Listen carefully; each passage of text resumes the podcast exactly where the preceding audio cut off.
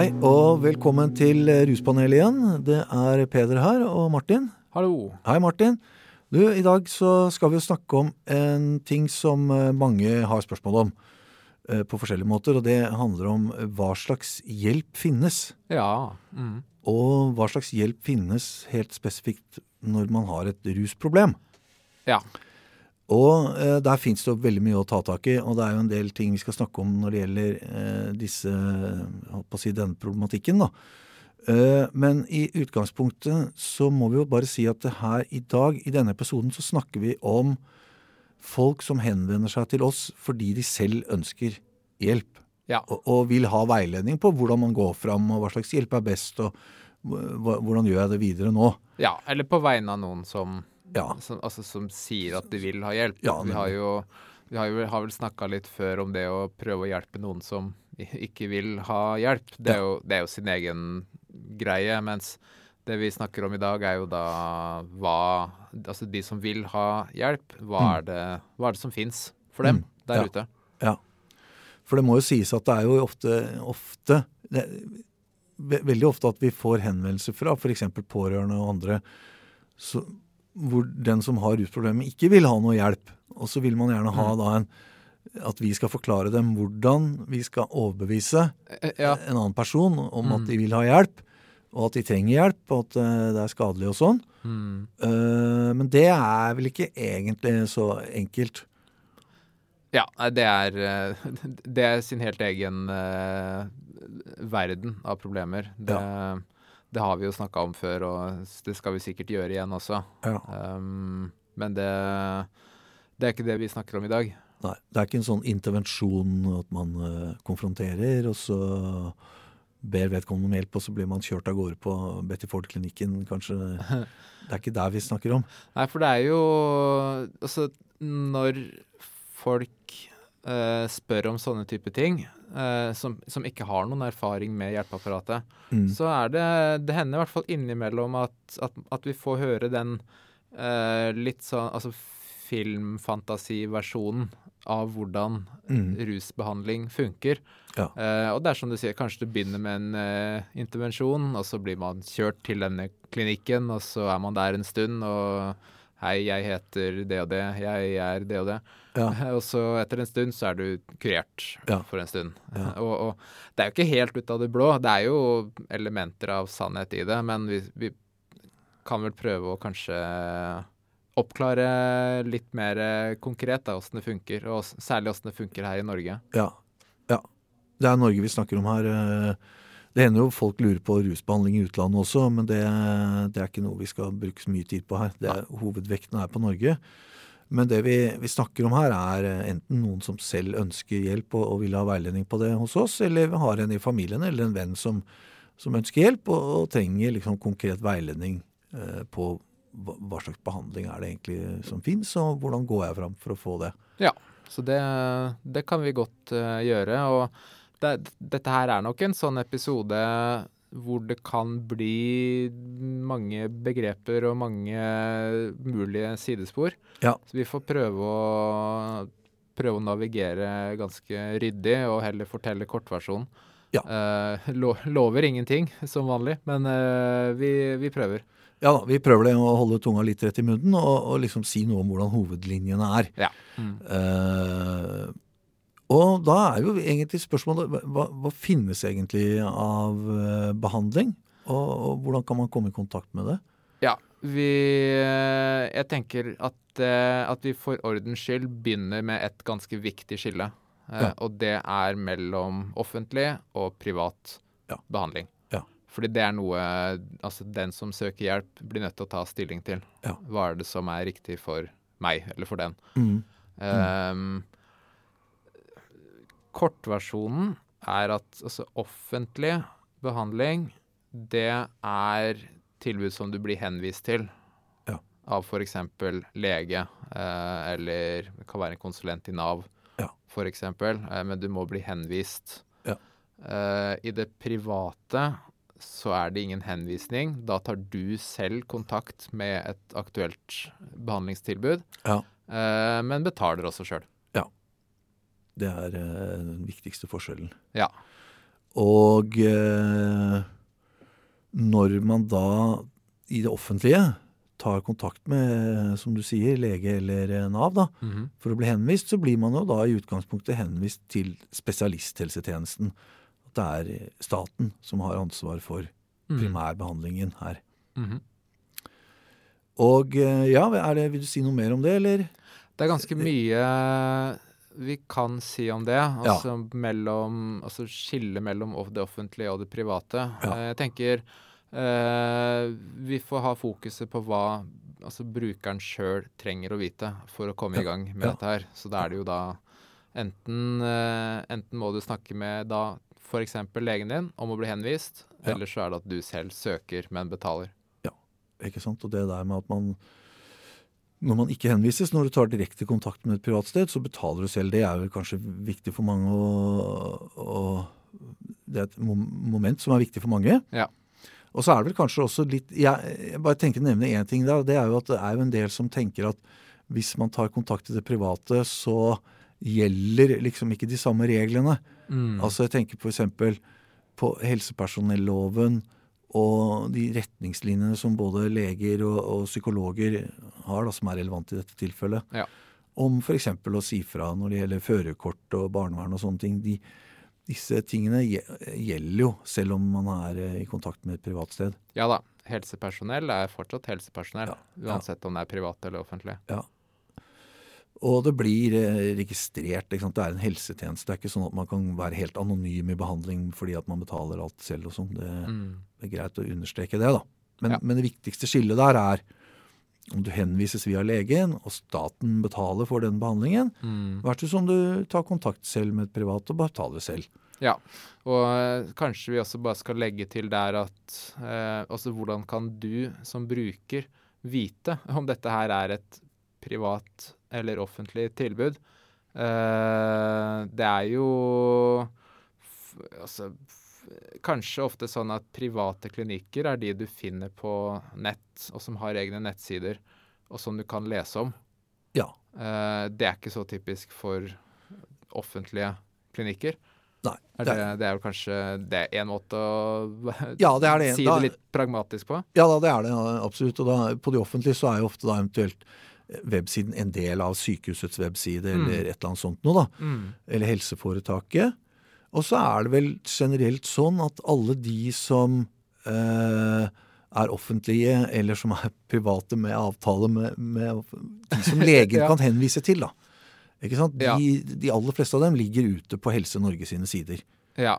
Eh, Så der kan man også se. Og så vil det jo være sånn at hvis du går til legen og ber om å bli henvist, og legen henviser deg til et sted, så kan du være trygg på at det er til et offentlig sted, eller et sted Ja. hvor du ikke betaler sjøl. Så lenge det er en henvisning som Ja. kommer via legen. Ja, Og vi har jo allerede brutt eh, løftet vårt om å ikke bli så, så komplekse her. Men du, du sier noe viktig der at ja, det hender jo at det offentlige har kjøpt behandlingsplasser Ja. ved private tiltak. Ja.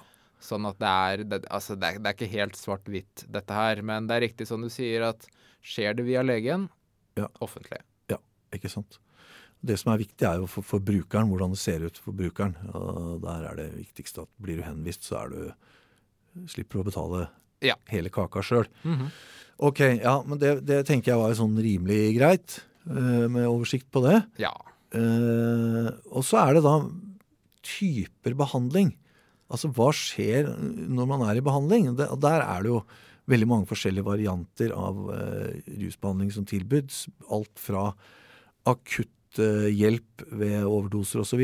helt til eh, langvarig, eller kanskje ikke så langvarig, men i hvert fall måneds, månedsvis med døgnbehandling. Det, det Der er du jo inne på akkurat det som er altså de La oss kalle det de klassiske behandlingsformene. Mm. Eh, Jeg har notert fem av de Ja. eh, behandlingsformer som fins rundt omkring i hele landet. Mm. Eh, Vi kan jo si kort om hva hver av de er. Ja, Det syns jeg. Den jeg nevnt, noterte først, er jo den du sa der, altså akutt nødhjelp. Mm. Det er, det er kanskje ikke altså, Rusbehandling er vel Jeg vet ikke om det er det vi snakker om sånn egentlig, men altså, si at det er en overdose eller en forgiftning eller altså, psykose eller altså en, en eller annen her og nå-risiko, Mm. altså, type ting som trenger tilsyn her og nå, Mm. så er det jo nødetater, altså 113 Ja. for eksempel. Ja, det er det. Det er, eh, det er liksom det første budet, egentlig, hvis det er helt sånn akutt. Mhm. Ellers så er det vel også en, en del kommuner rundt omkring som har tilbud også sånn oppsøkende tjenester og team som kan reise rundt. Da. Ikke at det kanskje nødvendigvis er så akutt, men man har sånn sosiale ambulante team f.eks. noen steder, og, Ja. Og som er i kommunens regi. Men det her er i hvert fall Skal man ha kontakt med dem, så er det i hvert fall enten å ringe legevakt ikke sant, og få kontakt med dem gjennom det, eller å ringe 113 og få medisinsk akutthjelp. Ja. Mm. Det er eh, et punkt. Neste er jo akutt avrusning. Ja. Hva, hva kan vi si om det?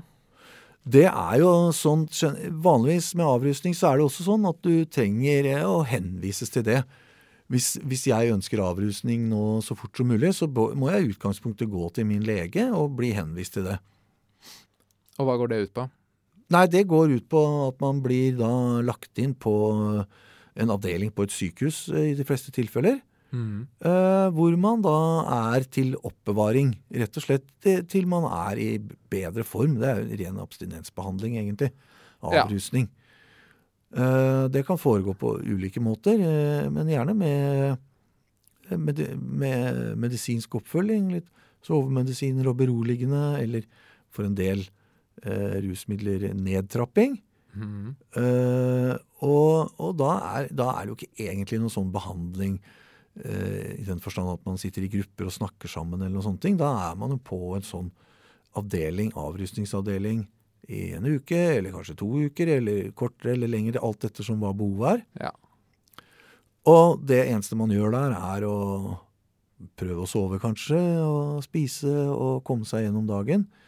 Det er ikke noe egentlig behandling, det er mer avgiftning. ja. Det er jo kanskje det man eh, ville kalt detox.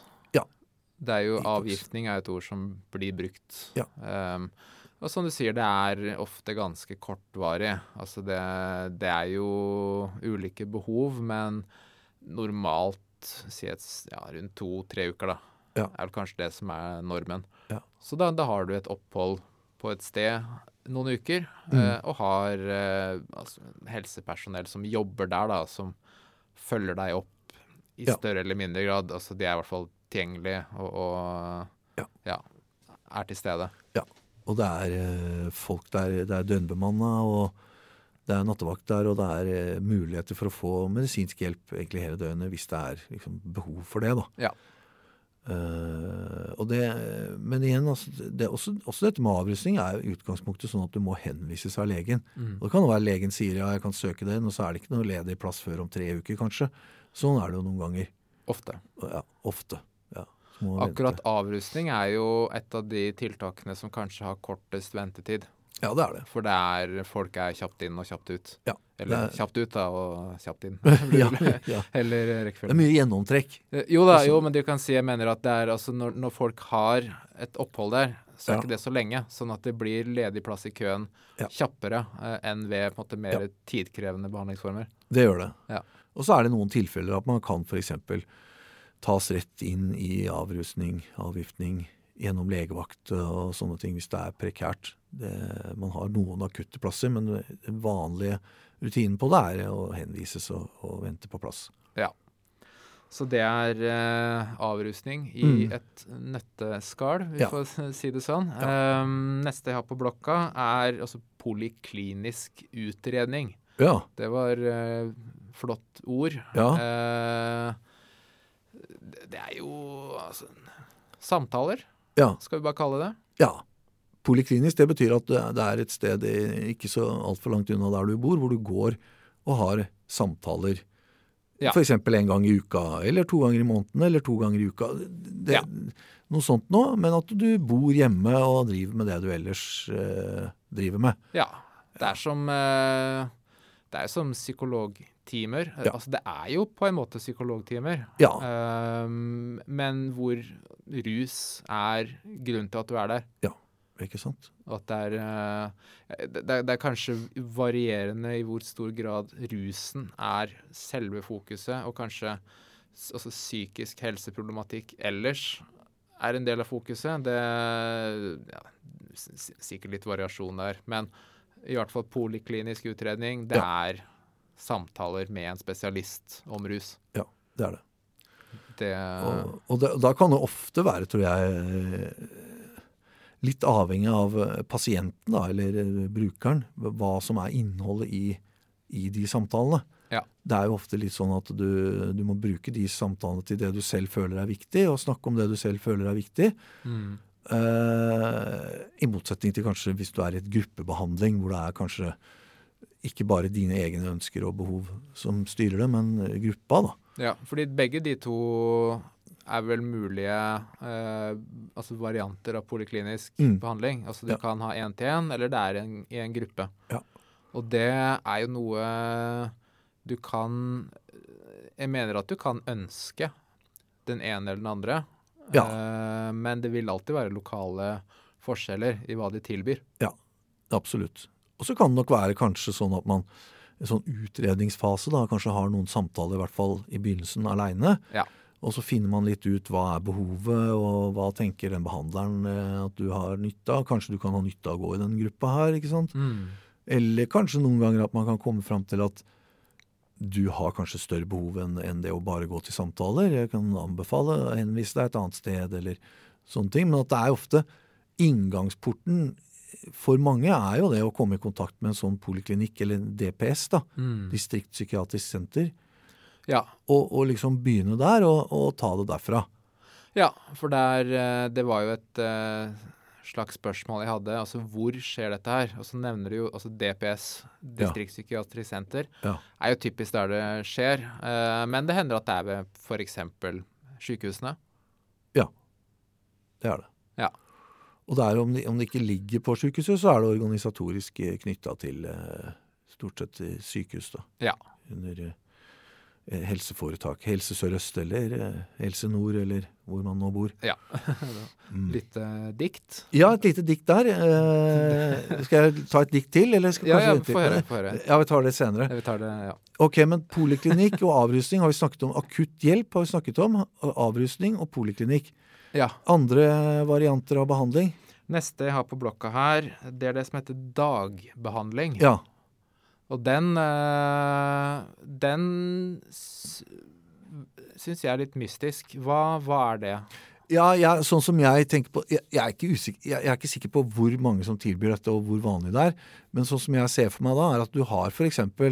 en rusklinikk, la oss si da f.eks.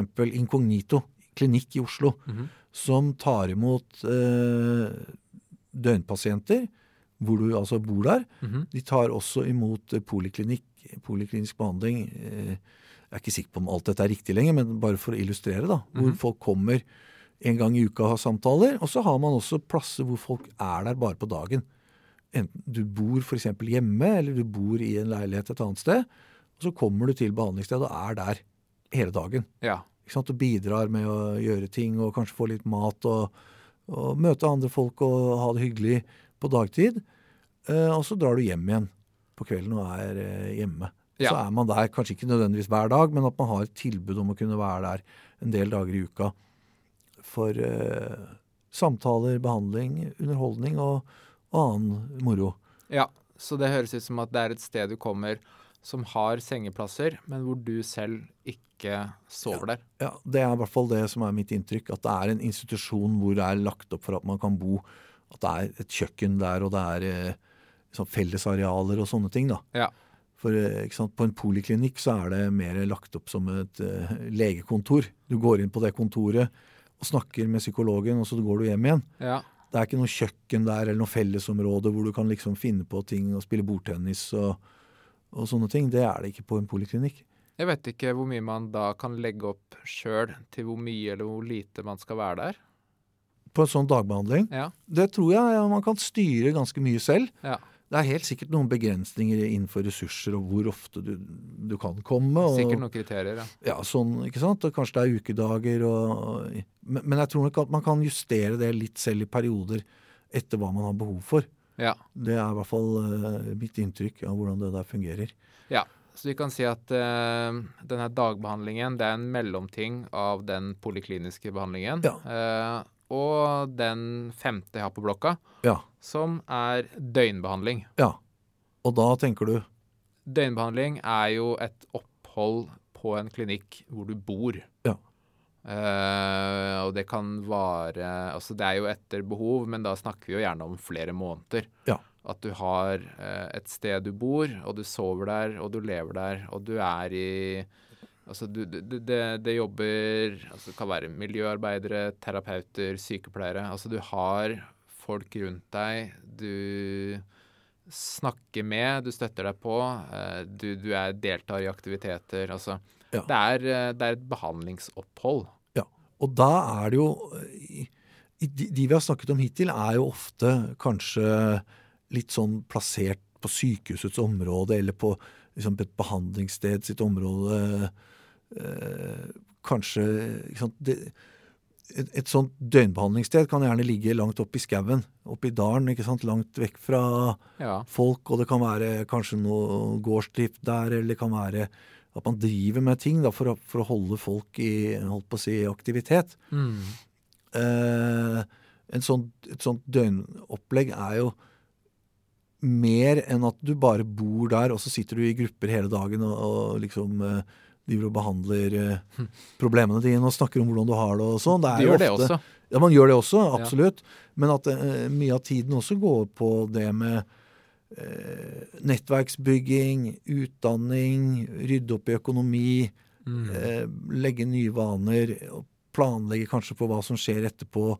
At man har mer en sånn, en sånn grunnleggende opprydning i livet sitt, kanskje, da, og trenger fred og trenger å komme seg vekk fra byen. og Alle de tingene der er jo det som kjennetegner mye den døgnbehandlingen, tenker jeg. da. Ja. Og det varer. eh, ikke sant? Du, det er, du er ikke der en uke. Det er, ikke- det er liksom ikke nok. Nei. Man er der jeg tenker i hvert fall tre måneder og opp til kanskje ni, ni måneder og sånn. Nå, nå er jo gjerne myndighetene litt hissige på å redusere behandlingstiden. At ikke folk skal være i behandling i ett og et halvt år eller to år og sånn, men gjerne Ja. helst, tror jeg, kanskje ni måneder. At eh, det eh, for- for myndighetene er eh, liksom, ønskelig å redusere behandlingstiden. ja.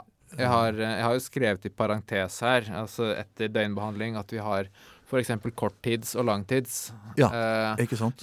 Styrer litt unna det, fordi sanne, Dette her er ting som endrer seg fra tid til annen. Ja. Um, men at det er, ja, det er ulike løp på hvor lenge du skal være i en sånn behandling. Ja. Uh, men uansett så er det snakk om en stund, da, ikke sant. Altså fra noen måneder og oppover. Ja. Og ofte så er det jo da eh, snakk om at man da lever og, og jobber og ikke sant? Lager mat, vasker opp, shiner stedet, jobber kanskje med om det er noe gårdsdrift eller hva det er. At man gjør det eh, sammen med andre mennesker, og at man har en eller annen slags form for terapeutisk samfunn eh, på en, ikke sant? At man i en eller annen måte bor og lever sammen og, og liksom lærer seg eh, ting på den måten. da. Eh, ja. Ja. Så dette er også en eh, Det du sier der, her er jo at eh, Særlig denne behandlingsformen kan vi jo se et tydelig skille mellom offentlig og privat. Ja. At det er ja, veldig mange private rusbehandlingstilbud er jo Da snakker vi om døgnbehandling. Ja, det er det. Men der, altså det finnes poliklinisk og dag og, og det også, men det er det oppholdet eh, som man kan se i ja, offentlig og privat. Ja, ikke sant. Ja. Så det, ja, når det gjelder akkurat det, da er det liksom et behandle... Vangseter, bare for å ta et eksempel, Mhm. som har et sted oppi der, og du drar dit og, og sånn. Mens når det gjelder po poliklinikk, så er det mer kanskje at man må finne en psykolog på nettet som driver med dette, ikke sant? Eh, ja. Eh, Som ikke har noe bondegård oppe i Gudbrandsdalen. Ja da. Det er, eh, vi vet jo at altså, noen av de private klinikkene de har jo altså, polikliniske tilbud. De sier 'kom inn her og snakk' Ja, en gang iblant. Men eh, ja. vi, vi lar den ligge. Det, Ja. det var de fem store. Ja, det er de fem store, og det, det fem er- klassikerne. Som vi kan jo oppsummere altså Det er jo da den akutte nødhjelpa. Ja, Og så er det avrusning. ja, Og så er det poliklinisk. ja. Og så er det dagbehandling. Mm. Og så er det døgnbehandling. Ja, Det så er eh, er det bare å spole bakover hvis det er noe Ja. som eh, noe, Hvis det gikk litt fort. Det, det kan man jo gjøre Ja. i, i vår tid. Det kan man. Og så er det en hel- Så langt har vi kommet. Ja. Så langt har vi kommet, og så er det en hel drøss med andre typer eh, tilbud da, når det Ja. gjelder hjelp for rusproblemer. ja. Eh, og, og jeg vet ikke om du har lyst til å ta noen av dem? Jeg, Ja, litt? altså her er vi jo altså neste punkt da på programmet uh, som uh, vi bare endte opp med å kalle alt det andre. Ja. For det finnes jo eh, altså en hel drøss av ulike eh, tilbud som hjelper deg med å håndtere rusproblematikk, kort Mm. sagt, Mm. Rundt omkring i landet. Altså det er lokale tilbydere, altså det kommunale tilbud. Eh, lav, mer eller mindre lavterskel. Eh, skal vi se, altså Jeg har bare notert noen navn, jeg. Ja. Eh, for eksempel eh, så har vi jo eh, det som heter hasjavvenningsprogram. Ja. For eksempel. Eh, du har vel allerede, nevnt utekontakt. Mm. Eh, vi har ACT, eller FACT, eh, ruskonsulent via Nav, eksempel. Eh, selvhjelpsgrupper, AA, NA. Mm. Eh, Retretten. Mm. Dette her er en, en, en dråpe i havet. Ja. Men det er, det, er mange tilbydere rundt omkring, og ofte så Det, det kanskje man kan si om disse andre eh, tilbudene, er vel litt at det, det kan være ofte lettere å ta direkte kontakt med dem. Ja. For eksempel ofte så er jo disse kommunale tilbudene, for eksempel. Eh, og det samme gjelder ideelle aktører, selvhjelpsgrupper. Da kan du ringe, du kan ringe rett ned til eh, uteseksjonen eller utekontakten i kommunen. Mm. Du kan ringe til eh, anonyme narkomane, anonyme alkoholikere og få veiledning Mm. på hva slags gruppe kanskje passer for deg. Har kommune, kommunale tilbudet noe å tilby deg? Når kan du komme? At det er litt mer, litt mer lavterskel, kanskje, og lettere å komme i kontakt med. Ja. Det er mitt Eh. inntrykk også. Eh, det som eh, er vrient for oss med å anbefale sånne ting Eller altså, vi anbefaler sånne ting hele tida. Mm. Men her er det jo veldig forskjell på hvor i landet Ja. du bor. At Veldig. Hva vi kan tipse om, eh, det, det kan vi kanskje ikke svare på uten å vite ganske spesifikt Ja. hvor folk bor. Ja. Eh, for det er noen ting fins altså, Ting har jo en tendens til å være eh, altså, ganske tilgjengelig i de større byene. Ja. Eh, men mange steder rundt om i landet så finnes det små aktører, ulike tilbud som finnes bare der. Ja. Så det er Snakk gjerne med oss, så kan vi prøve å hjelpe deg å grave. Ja. Eh, eller ta, som du sier, ta kontakt med sentralbord i kommunen. Ja. Altså Kommunal helse- og sosialtjeneste har ofte ganske god peil på hva som fins. Ja, jeg tror det. Og, og ofte så er det, og, og mange kommuner i Norge, i hvert fall eh, en god del, har jo rimelig ålreite hjemmesider. Ja. Hvis det er, eh, hvis du lurer på f.eks. Eh, rusbehandling, Sotra kommune, så Ja. går det an å skrive det på Google, og ofte så kommer det opp i hvert fall eh, en avdeling som driver med rus og den typen problematikk, og gjerne kontaktpersoner hvor det står eh, direkte nummeret man kan ringe. ja. Så, eh, og hvis man ikke vil det, så kan vi ringe til oss, og så kan vi bidra med å finne fram i virvaret, men da må man fortelle hvilken kommune man bor i, f.eks. Ja. Og det er, jeg tror særlig det at sånne type ting er ofte lavterskel. Det tror jeg er noe ganske mange tiltrekkes av. Ja. At det er eh, så sant det er eh, måte journalføring, og så tror jeg mange kvier seg litt for det og heller lar det være. Og tenker at nei, det går bra, det går over. Ja, Eh, og det, ja, det, det er jo en diskusjon i seg sjøl, men uh, jeg, det, jeg syns det er flott at det finnes så mange ting der ute som ikke trenger å være fullt så alvor, altså alvorlig, Mm, sånn mm. som eh, andre former kanskje er, da, eller oppleves.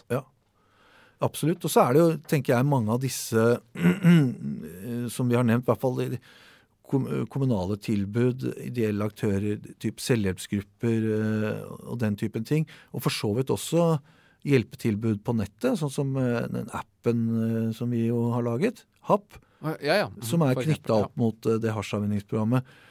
Mange av disse tilbudene i den gruppen vi snakker om nå, er jo også ting som man gjerne kan ha nytte av å ha kontakt med i etterkant av Hvis man har vært i døgnbehandling eh, oppe i GOK, eh, holdt jeg på å si, eller Mm. vært i behandling allerede og trenger noe i etterkant, som vi jo er viktig i denne bransjen, tror jeg.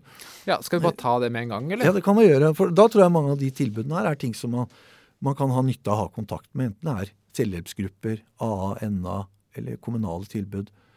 Ja. Uh, ja, Og oppfølging. og oppfølging. ja. Det er det vi snakker om her. For Ja. det er jo uh, en ting som er uh, litt viktig når vi snakker om den hjelpa som fins, er jo å være forberedt på at det kommer jo en tid etter endt behandling Ja, som er ganske viktig. Ja, Det er på en måte, som man sier, altså det, det er én ting å slutte, men det er en helt annen ting å ikke begynne igjen. Ja. Så den, hva, hva som skjer med deg etter at ditt behandlingsforløp Ja. er fullført, da, i, i gåstegn, ja. eh, det har mye å si.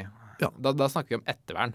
Det er vel det ordet vi bruker. Det gjør vi. Og det, det er kjempeviktig. Og det er jo dette med rus, rusavhengighet jeg vet jo ikke, Det er jo mange måter å se på det på, men det blir jo av mange eh, forskere og mange som liksom kan noe om dette, det blir jo kalt for en kronisk tilbakevendende livsstilssykdom.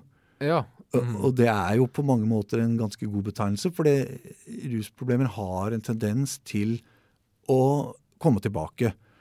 Og i hvert fall så har eh, folk som har hatt rusproblemer, har i mange tilfeller en, den, en tendens til å, å, å være i risiko for å falle tilbake til gamle mønstre. Mm. At det derfor er Det er ikke sånn at nå har jeg vært eh, seks måneder på Storagutu og, og spadd kumøkk, så nå er liksom problemet løst.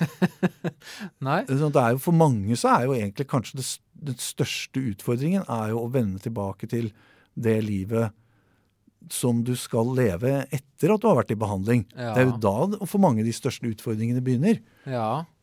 Jeg tenker særlig hvis du er mer eller mindre tilbake eh, i samme miljø, bor Ja. på samme sted, du har samme omgangskretsen. Mm. Eh, da er det mange som syns det er tøft. Mm. At der det kan veien ofte være kortere tilbake eh, til altså, problematisk bruk da, av rusmidler Ja. eh, enn man kanskje så for seg at det skulle være eh, da man var i behandling. Eh, snakker jeg kanskje særlig om det oppholdet, da, altså hvor man er har litt avstand fra det miljøet, bokstavelig talt. Ja.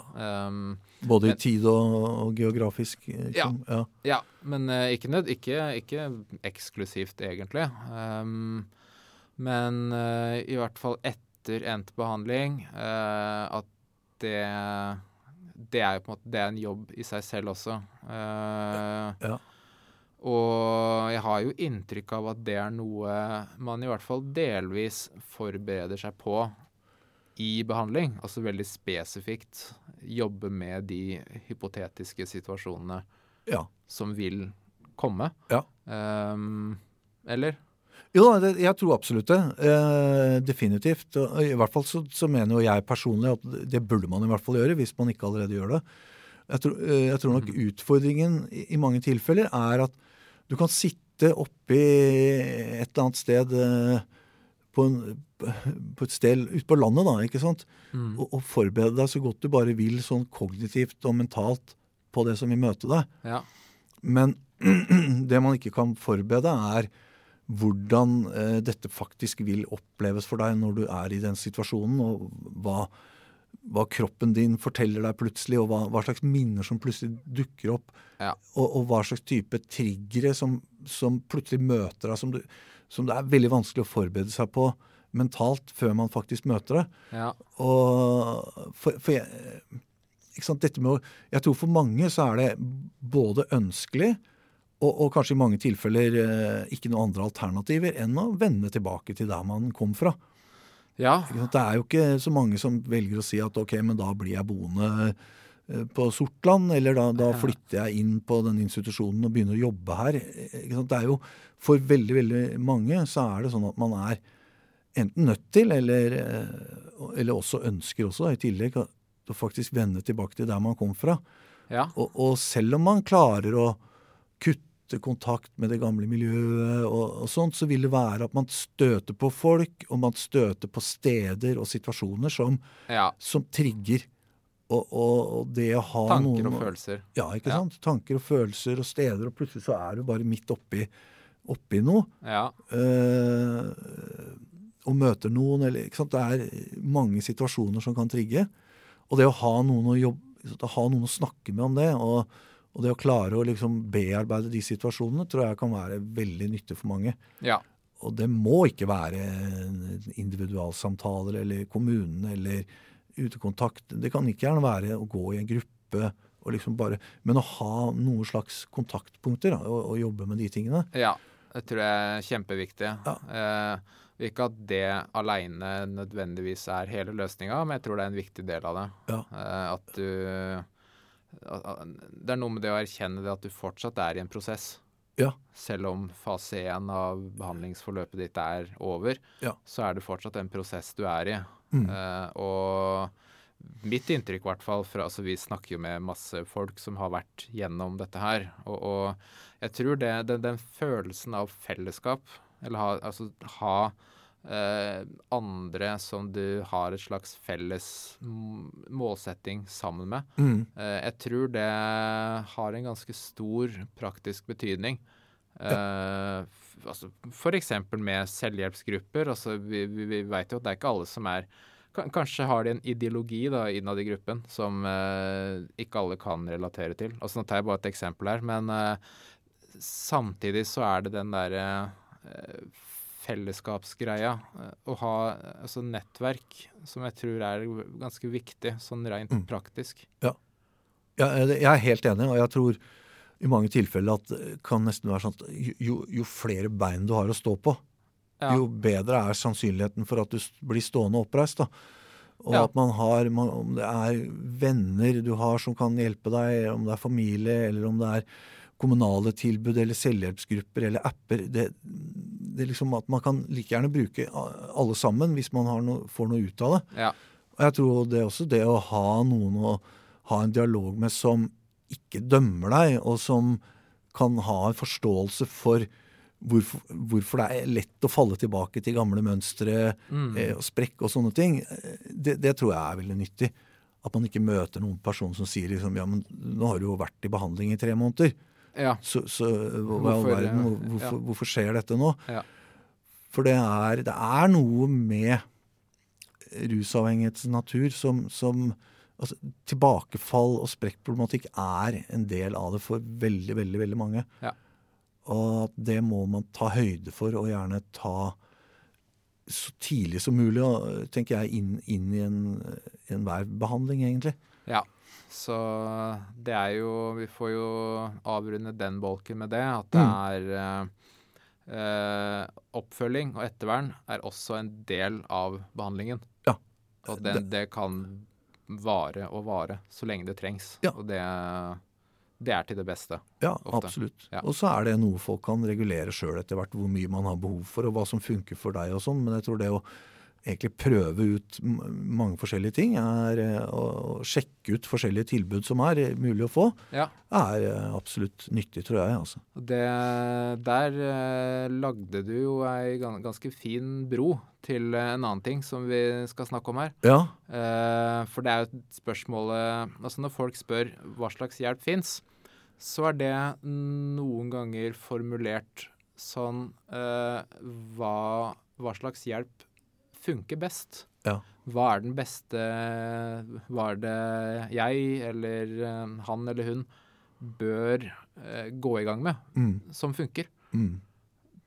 Og da svarer vi Ja, da, da svarer vi at det veldig, kommer veldig an på. Ikke sant? Det, igjen, altså, det kommer an på. Men altså, man, man har jo Så vidt jeg vet, så hadde man et forskningsprosjekt i USA hvor man prøvde å matche Project Match heter prosjektet. -hmm. Matche ikke sant, type eh, rusavhengighet og type problematikk Mhm. opp mot type behandling. Og da, da mener jeg ikke liksom poliklinikk eller innleggelse, men metodikken. Okay. Skal vi bruke kognitiv atferdsterapi? Skal vi bruke den, eh, den modellen eller den modellen? Hva fungerer egentlig best? Ja. Og så vidt jeg forsto, så var utkommet av det, det forskningsprosjektet var at det, det, de, de, det er avhengig av hva slags person du er, og hva, du har nytte av. Det, går ikke an å si noe egentlig Ja. eh, helt konkret om at den eller den metodikken fungerer best. Ja. Sånn at ja, det kommer an på hvem du er. ikke sant? Det, det er veldig stor forskjell på å være 22 år gammel og ha stort sett frest rundt eh, på gata eller holdt på med småkrim eller større krim, kanskje kjøp og salg og, og sånn, Ja. i fire-fem år, og så skulle inn og, og få beha behandling og hjelp til å endre livet ditt. ja. Det er noe annet det enn om du er 44 år og, og liksom eh, disponent, holdt jeg på å si, og, og har Ja. kone og barn og alt på, på stell. ja.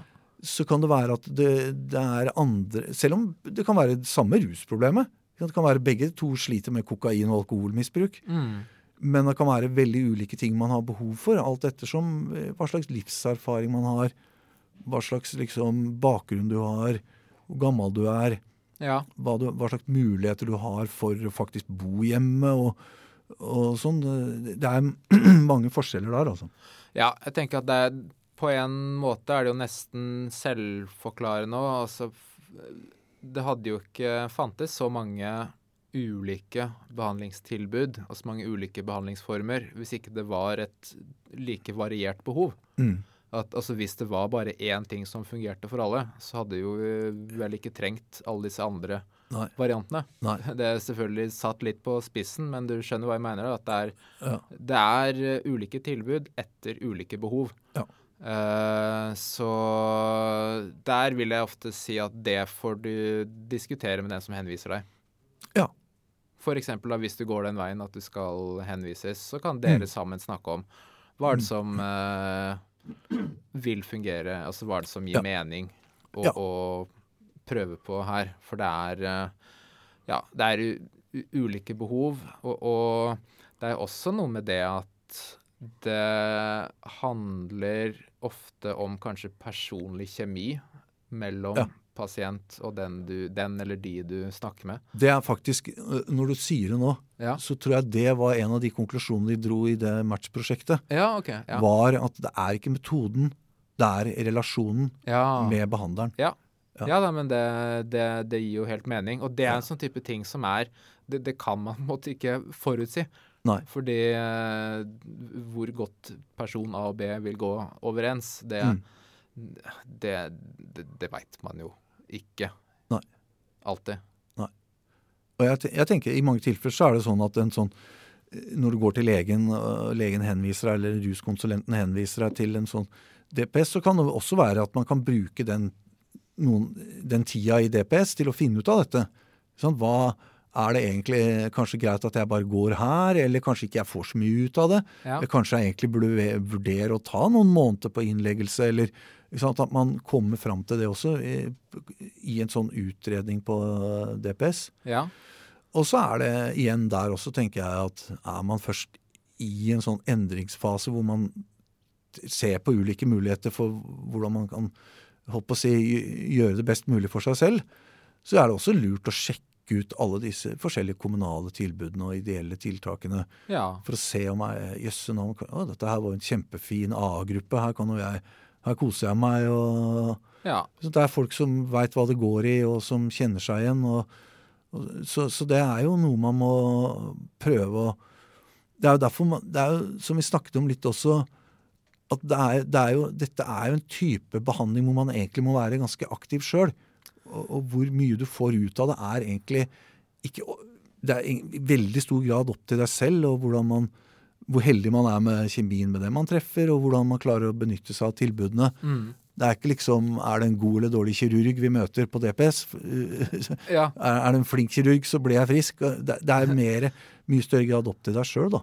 Ja, fordi det er en sånn fin eh, analogi med altså i, hos kirurgen Mm. så er det jo opp til kirurgen Ja. om uh, du får uh, Så lenge du er bedøva og ligger stille, så har du ikke noe du skulle ha sagt. Nei, det er, det er kirurgen som opererer deg. Ja. Og det, om det går riktig, eller om det ikke går riktig, så er det, så er det på kirurgen. Ja. Mens når det gjelder dette her, altså rusbehandling, Ja. så er det jo sånn du sier at det er jo til syvende og sist altså en selv som Ja. må gjøre en stor del av jobben. Ja. Vi, vi snakker jo om hjelpeapparat. altså Det er jo en hjelp og støtte for deg for å Ja. klare å få til de tingene du prøver å få til, men det er ikke til å komme utenom at det, det krever eh, innsats Ja. fra deg sjøl. Og jeg tenker at til syvende og sist så vil det jo ligge på deg sjøl. Hvis du har betalt én million kroner for å være på Betty Ford, og så ringer du tilbake en måned senere og sier at vet du hva, nå har jeg sprukket, så jeg vil ha penga tilbake, så får du ikke det. Nei, du gjør ikke det. For det er du som sprekker, og ikke klinikken. Ja. Uh, så det er jo noe med dette, dette fenomenet, rusproblematikk, da, som, som er litt annerledes enn andre typer behandlingsformer for mer somatiske sykdommer. Ja. Så det er jo Det er komplekst. Ja. Uh, og vi, uh, vi har jo nå, nå har vi snakket om at ja, det, det finnes så mye hjelp. Og vi, vi, vi skal jo kanskje ikke male et for naivt eller flott bilde av dette her feilfrie hjelpeapparatet. Hvis det, var, hvis det kom fram sånn. Fordi det i Så er, det, fall, så, så er det feil. Ja, i så fall tror jeg mange lyttere sier Ja. nei, nei, vent litt. Ja. Hør nå her. For Ja. det er Vi veit jo at det er mange som eh, Det er mye motbakke, altså. Ja, Det er det. Å navigere i dette her og Ja. Og det er ikke sånn at alle ikke sant? En vanlig problemstilling hos oss er jo at eh, det er noen som ikke vil ha hjelp. Men Ja. så er det noen pårørende som gjerne ringer og, sier at jo, de må ha hjelp, og ja de trenger hjelp. vi, dem har vi nok av, ja. Ja. Men det er også mange eh, eksempler på folk som ønsker hjelp, og som ber om det, men ikke får det. ja For eksempel. Ja. Uh, rett og slett at du får avslag. Enten at legen sier at uh, beklager, men det, skal du få rusbehandlingshjelp, så må du, ha en, så må du være avhengig av rusmidler, og det kan ikke jeg vurdere at du er. Eller at vurderingsenheten, dem som legen henviser til, sier at beklager, men du, du får avslag. Det er, Ja. det, det er mange vi snakker med som sier det òg. Det er mange som sier det. Uh, altså, du er ikke syk nok, eller vi har ikke kapasitet, eller Mm. du er ikke egna til dette tilbudet. Prøv mm. noe annet. Uh, så det Det er jo noe veldig mange må forholde seg til, dessverre. ja. At det er, det er ikke et eh, jeg- vil si at vi har jo et Altså i, i, i, i på en global skala så har jo vi et godt hjelpeapparat. Ja, altså, tross alt. Men på ingen måte feilfritt. Ja. Mange som eh, har problemer Ja da. i, i hjelpeapparatet. Ja, det er det absolutt. Og både problemet med å få hjelp, eller det kan være i veldig veldig mange tilfeller så er det lenge å vente. Mm. Hvis du er uh, utpå, litt hardt utpå, så er det Ja, du får plass, men det er seks uker til.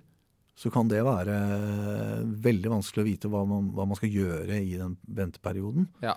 Og kanskje har motivasjonen endra seg i løpet av de seks Mm. ukene, og så møter du ikke opp. Mm. Og så får du en ny time, hvis du er heldig, om seks uker Ja. igjen. Ikke sant? Så Men det er eh, Det er nå i hvert fall eh, en god del muligheter for den som eh, orker å, å grave litt og, og sjekke litt rundt. Ja. Men det er jo kanskje litt sånn ikke sant? Man må, Som man sier noen ganger, man må være frisk for å være sjuk. ja. Ikke sant? Mm. For å være, Hvis man skal si at rusavhengighet er en slags sykdom, da, så må man for, for å liksom finne fram i hjelpeapparatet og for å finne ut hva slags rettigheter man har og hva slags muligheter som finnes, så, så må man på en eller annen måte gjøre noe aktivt for å finne ut av det og hive seg på PC-en. Ja, og noen må jo belage seg på å kanskje være litt pågående. Eh, Kanskje er det en periode med prøving og feiling, Mm. for å, enten for å i det hele tatt få hjelp, eller for å få den hjelpa som er, viser seg å være den som funker best for deg. Ja. Ehm, Mens andre er jo heldigere og får det de trenger Ja. relativt kjapt og enkelt. Ja. Så det er eh, Ja, det er nyanser her som med alt annet. Ja. Eh, men det er i hvert fall en, en oppfordring vi kanskje gir ofte, da. At eh, jo, fortsett, ikke sant. Ja. Prøv igjen. Ring de og de, eller eh, har du prøvd å snakke med disse her i stedet? Mm. Og så er det jo mange, altså, men dette har vi jo diskutert en del før, det er jo mange som ønsker hjelp, men som allikevel kvier seg for å be om hjelp, fordi at det får konsekvenser. F.eks. hvis du har foreldreansvar, omsorg for barn, førerkort, disse tingene her som vi jo Mm. snakker mye med folk om. Eh, bare apropos det, så eh, de, de som bruker apper f.eks. og sånne ting, Mm. bruker lavterskeltilbud, A-grupper, NA-grupper og sånn, i mange tilfeller så er det også det at folk Det er ikke det at de ikke vil ha vanlig behandling. Man Mm. kunne gjerne tenke seg det, men man kvier seg for å be om det fordi at det får konsekvenser for eh, ja, nevnte ting og, og så Ja. videre. Da. Nei, det er en vurdering. Ja. Det er eh, fordeler og ulemper med de fleste tinga. Og, og eh, noen tilbud har kanskje mange fordeler og noen ulemper. Andre er vice versa. Altså det Igjen, det blir alt ettersom behov. Mm. Um, jeg tenker at når eh, på spørsmålet hva er den beste behandlingsformen, Ja. så det Så tenker jeg at vi kan si den Det som fungerer best, er jo tross alt den du er villig til å oppsøke. Ja. At, at det som fungerer best, er å gå i gang med Ja. noe. Prøve noe. Uh, enten funker det for deg, hvis ikke så prøver du noe annet. Ja. At, at du veit ikke før du har den erfaringa. Og da, og da tenker jeg da, da må man, tror jeg, legge eh, litt i det også når man prøver. Altså det, det er, eh, Hvis man kanskje ikke er helt strålende fornøyd etter den første timen, eller Ja. eh, går på et A-møte og føler at nei, nå har jeg lyst til å drikke allikevel, så, så bør man kanskje gi det litt mer tid enn det. Altså At man virkelig prøver å, og ser om man får noe ut av Ja, ja, ja. tilbud. Sånne her endringer er jo ikke gjort over natta. Nei. Det er en prosess, og det er en omstilling. Ja. Så øh, ja. Nei, det finnes hjelp der ute. Eh, håper vi har eh, oppklart Mm. eh, noe av det. Ja. Det er eh, jeg sitter og tenker på om vi Vi er jo egentlig i mål, men det er en ting som vi ikke helt har forberedt, men som jeg tror at det er noen som lurer på, Ja. fordi det er mange som spør oss om det. Og det er tvang. ja. Hjelp. Altså, jeg, vet ikke om vi skal kalle det behandling eller hjelp. Eller, la oss kalle det tvangstiltak. Ja, tvangstiltak. Fordi vi, altså ja, vi har jo begynt med å si at det vi snakker om her, det er jo hjelp til de som vil ha hjelp. Ja, Eh, så vi har styrt litt unna ja. det med tvang. Men tvang er jo også en del av eh, Hva skal jeg si rusapparatet, da. ja, det er det. Nøytralt ord. Men Mm. eh, er det noe vi anbefaler? Nei, altså, det, det er jo vanskelig å si da. I noen, noen tilfeller så jeg, jeg tenker at i noen tilfeller så vil man jo vurdere tvang som nødvendig. Enten eh, med utgangspunkt i lov om psykisk helsevern eller lov om sosiale tjenester, som sikkert heter noe annet nå. Men, men at det må være At det er ganske strenge kriterier Ja. for at noen skal bli eh, lagt inn mot sin vilje. Ja. Og at det nok er en god grunn til at det er det. Eh, jeg, tror, ja. Ja. jeg tror det å liksom tvangsinnlegge folk over en lav sko har lite for seg. Ja. Men det er jo, men, eh, men, eh, og, og samtidig så er det kanskje det å nevne også at hvis noen blir lagt inn på tvang, så er jo ikke det at de blir tvunget til å gå i behandling. Det, det, det som skjer, er jo at man blir tilbakeholdt i institusjon Ja. mot sin vilje. Det er uh, rette ordlyden, egentlig. Ikke sant? At det er ikke sånn at jo, nå er det noe nå er det noe psykodrama her, og det må du være med på. Nei, det gidder jeg ikke å være med på. Jeg vil ikke ha rusbehandling. Nei. Nei vel, da får du bare være her. Ja. Ikke sant? Så det dette med tvang er jo på en måte Ja, det, det er vel kanskje noen, noen tilfeller så er det nødvendig, men at det er veien til eh, et rusfritt samfunn, eh, tror ikke jeg. Nei. Det, jeg tenker det kanskje Det kan egentlig være en egen episode. Eh, hva er tvang, eller funker det, eller når funker det? Ja, Den Det- episoden må alle høre. Det, ja, det, er tvang, ja. ja. Ehm, for eh, ja, nei, vi, vi kan jo la den ligge, men jeg tenker det er naturlig å nevne eh, når vi snakker om hva slags tilbud som fins, fordi det er noe Ja. vi får spørsmål om. Ja. Altså hvordan eh, Så eh, Mm. ja. Vi skal ikke, jeg tror ikke vi skal si noe mer om den Nei, hvis vi skal si noe mer om det, så skal vi si mye mer i ja. en annen episode. Vi episode. sier det. Da, da, da sier vi mye mer en annen gang om det. Nei, men den, eh, Jeg tror vi har fått snakka om en god del her. Og så er- tenker jeg det er Hvis det er folk lurer eller eh, vil ha hjelp til å finne fram eh, i hjelpeapparatet og hvordan man kommer i kontakt med eh, ulike institusjoner og tilbud, Mm. så ta kontakt med oss, og vi kan bidra med det. Ja, og da er det rusinfo.no Yes. som er eh, Det er oss. Mm, det er oss. Mm. All right. Takk for i dag. Vi høres, da. Ja,